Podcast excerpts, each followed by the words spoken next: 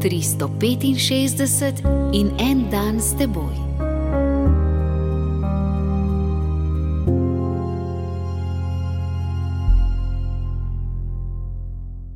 Iz Lukovega evangelija, 15. poglavje, 11., 12. in 13. vrstica. Neki človek je imel dva sina. Mlajši med njima je rekel očetu: Oče, daj mi delež premoženja, ki mi pripada. In razdelil jima je imetje. Čez nekaj dni je mlajši sin spravil vse stvari skupaj in odpotoval v daljno deželo. Tam je z razuzdanim življenjem pognal svoje premoženje. Gospod Bog, ta oče si lahko samo ti.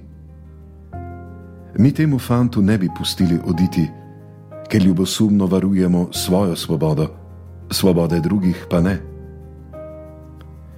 Po našem mišljenju, mladi še niso zreli, ženske se ravnajo po čustvih, lajki niso dovolj pripravljeni, ljudstvo se odloča po naključju, kdor ne misli tako, kakor mi, ničesar ne razume.